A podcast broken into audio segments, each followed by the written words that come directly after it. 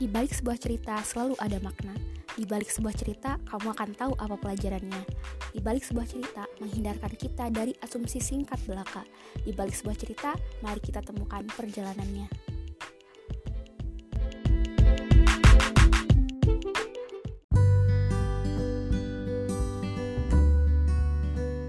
Halo, akhir-akhir ini aku lebih senang sama dunia perfinansan atau dunia peruangan lah Nah, banyak faktor yang bikin aku jadi suka atau tertarik sama bidang ini. Semenjak suka ngedengerin podcast, entah itu di Spotify atau di aplikasi yang lain, aku lama-lama jadi tertarik soal ngurusin uang gitu ya, dengan cara investasi. Nah, tujuan aku bikin podcast ini, aku pengen ini tuh jadi salah satu referensi atau aku pengen jadi teman dengar aja sih.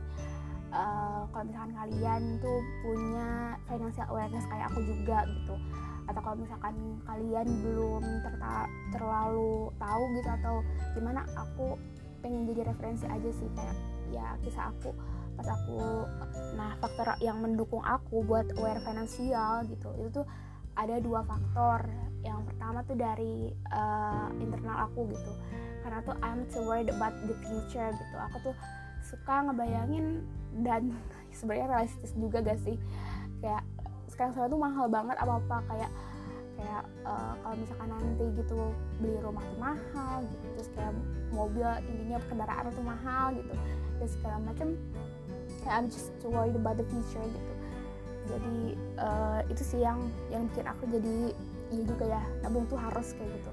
Dan uh, ingat juga gitu mimpi jadi awareness gitu sama finansial gitu pas aku masih kecil tuh aku pengen mapan gitu. Tapi emang nggak terlalu tepat kan angkanya. Aku nggak aku nggak pernah kayak eh, udah aku pengen mapan. Tapi nggak ada gitu angka benar-benar kayak exactly angka gitu yang aku targetin uang nggak ada gitu. Dan ngerasa sayang banget sama uang gitu. Dengan suka banding bandingin harga sih kalau aku. Misalkan aku uh, lagi di cafe gitu dengan kopi gitu yang mahal gitu ya. Dan itu aku langsung mikir lagi kan ini tuh kalau aku cuma emang kan kalau itu kebutuhan yang termasuk yang sekunder gak sih? Kayak gak gak gak harus gitu gak emang gak harus gitu. Jadi aku suka selalu banding bandingin itu gitu. Dan ya sih jadi jadi itu juga sih yang bikin aku ya udah gitu. Kalau misalnya emang pengen aku pengen kopi ya udah aku nyeduh sendiri aja gitu. Gitu. Dan um, aku juga suka gitu dengan gaya hidup minimalism gitu. Yang ya gak ngapain gitu kalau misalkan punya banyak barang gitu. Sampai aku tuh pernah uh, ditanyain gitu sama temen gitu Nis kok kamu bajunya itu itu aja? gitu kayak gitu. Terus aku kayak hmm ya menurut aku sih baju tuh ya dipakai karena aku juga males ya gitu. Kalau misalnya kayak harus banyak barang terus gak dipakai gitu dan kalau aku juga ya yang penting baju tuh dipakai selalu bersih rapi ya udah gitu. Kayak gitu sih gitu. Dan kalau aku karena passion aku juga bukan di bidang fashion gitu ya uh, beda gitu sama teman aku yang emang kayak saya selebgram atau dia tuh emang dapat uang gitu dari dia suka ganti-ganti baju ganti-ganti baju gitu. Ya udah itu ya udah pekerjaannya dia karena aku tuh passion aku tuh bukan di bidang itu gitu. Jadi it really doesn't matter to me gitu. Kalau misalkan aku uh, punya baju ya itu itu aja gitu kayak gitu. Gitu. Terus dari faktor eksternal juga gitu. Karena aku tuh suka ngeliatin gitu gaya hidup orang-orang gitu. Apalagi yang berhutang gitu ya. Gitu. dan I don't want to be like that gitu. Atau cuma pengen dibilang ah you are so rich gitu dan sebagainya. Karena udah kerja gitu. Itu itu sih yang yang bikin aku kayak karena jadinya tuh kayak utang-utang gitu karena aku nggak mau sih kayak gitu style life kita gitu. Itu kayak it doesn't make sense gitu buat aku pusing mikirin utang kayak gitu. Intinya gitu. Jadi diri sendiri aja lah intinya gitu. Dan untungnya public figure yang aku senengin gitu contohnya kayak Bang Radit gitu itu punya financial awareness yang tinggi. Jadi aku suka terinspirasi gitu kayak kepapar pancaran kayak udah hidup minimalism terus kayak punya financial awareness gitu terus sejak dini segala macam kayak gitu lah gitu. Uh, inspirasi aku muncul itu semenjak aku nonton YouTube-nya Bang Radit sama Balu Buina gitu yang judulnya tuh gimana caranya jadi kayak nah itu tuh benar-benar dibahas tentang kenyataan gitu. Kalau beli rumah kendaraan atau biaya nikah tuh mahal banget dan banyak orang yang menjadi itu beban buat masa depannya kayak berutang gitu. Nah, misalkan uh, pengen nikahnya tuh gimana gitu terus dapat budgetnya tuh gede banget gitu sampai sampai akhirnya harus utang gitu. Itu sih yang aduh gitu. Kayak aku nggak mau deh kayak gitu gitu.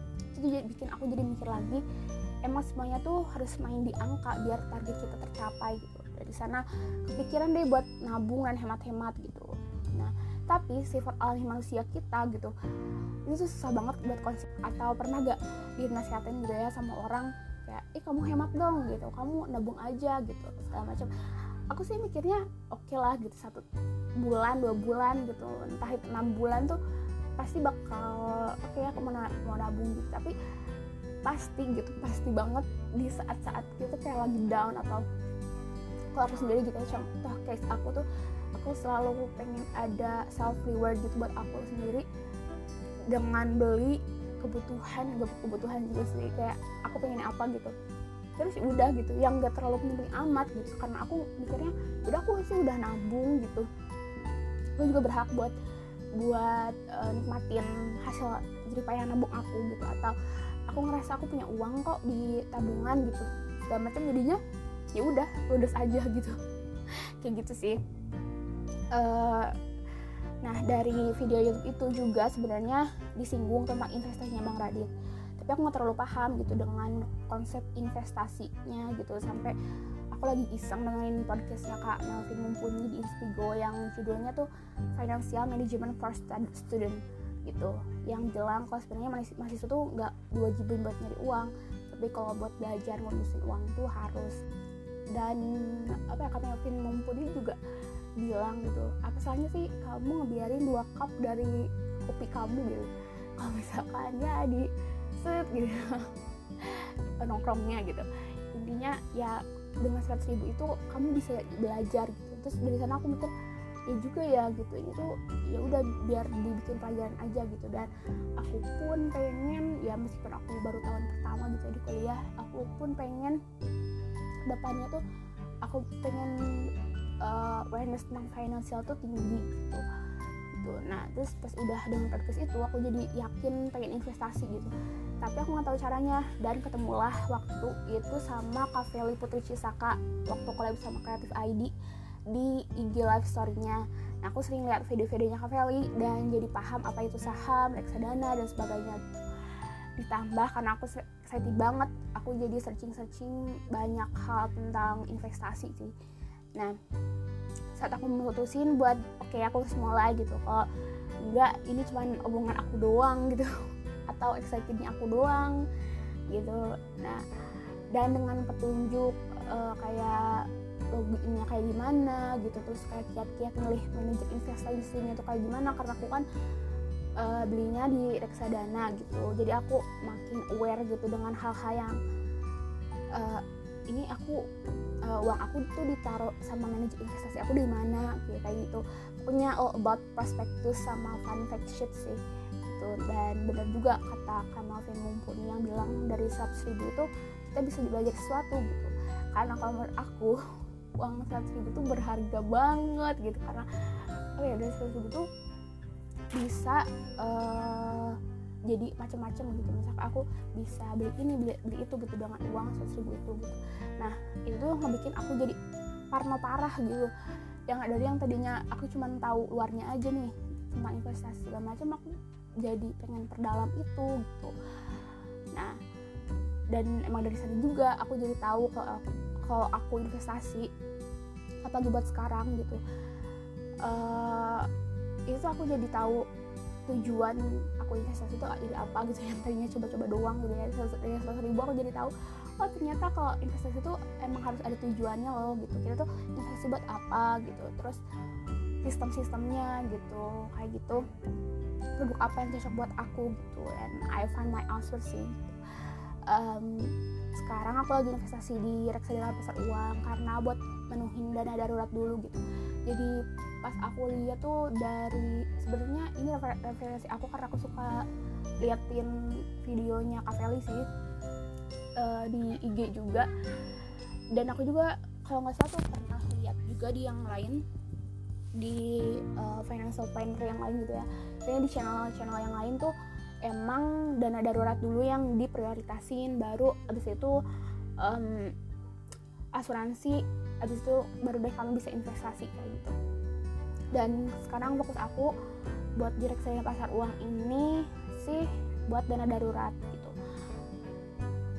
Untuk ke depannya aku berniat buat coba produk yang lain yang risikonya masing-masing gak low risk gitu. Karena kalau RDPU kan emang low risk gitu. Reksadana pasar uang itu aku niatnya kalau misalkan nanti aku macam-macam nih gitu si reksadana produk produk reksadana aku aku buat nabung jangka panjang kayak yang itu bukan buat dana darurat gitu.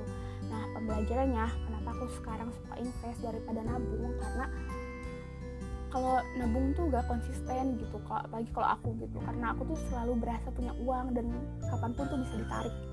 Kalau aku investasiin uang aku selain nambah uangnya walaupun dikit-dikit aku bakal mempertimbangkan lagi seberapa urgent dana yang bakal aku pakai. Dan aku juga bakal ngeliat harga per unit di reksadana yang terus-terus naik. Contohnya tuh aku beli 1000 dan itu aku jual nih pas harganya di 1100 pas aku mau beli lagi harganya tuh udah 1200 gitu per unit gitu. Jadi aku mikir kenapa aku nggak simpan aja gitu ya? Kecuali sih pas benar-benar aku bang butuh banget gitu ya uangnya. Gitu. itu sih yang jadi value gitu buat terus tabung gitu di investasi kayak gitu. Jadi kalau dirangkum lagi aku cuma pengen pesen gitu buat pendengar. Gak harus udah dengerin penjelasan aku tentang investasi kalian harus tertarik. Karena aku juga lama jadi sadar pentingnya ngurusin uang dan harus banyak cari berbagai sumber itu kalau udah tertarik coba tanya lagi tujuan kamu investasi itu buat apa gitu. Pokoknya dimulai aja dulu meskipun dari uang 100 ribu. Mungkin kamu bisa jadi kayak aku yang saking terlalu sayangnya dengan uang 100 ribu itu jadi jemput aja sekalian gitu ke dunia investasi. Dan aku rekomendasiin banget buat terjun ke dunia investasi. Soalnya bikin kita jadi ketagihan nabung gitu. Apalagi kalau lihat imbal hasil yang tiap hari naik naik ke puncak gunung. Itu jadinya tuh kayak iya aku pengen pengen beli lagi beli lagi kayak gitu. Ya beli reksadana beli reksadana gitu kan. Itu juga uang kita kan terkumpul di sana gitu. Anyways mau itu nabung atau invest aku harap kita bisa konsisten mengelola keuangan kita biar gak toksik sama kefansian ini gitu atau kenyamanan hari ini. Apalagi buat belajar atau mahasiswa yang saat ini masih ditanggung orang tua coba deh renungin kalau besok-besok pas kita kerja apalagi buat fresh graduate gitu yang pendapatannya itu belum seberapa kita pasti bakal ada di titik kalau realita tuh sama impian terlalu jauh gitu. Dan solusinya kalau bisa nyambungin itu dengan angka rencanain itu dan jadiin usaha gitu dan doa. Terima kasih sudah mendengarkan sampai bertemu lagi di balik sebuah cerita selanjutnya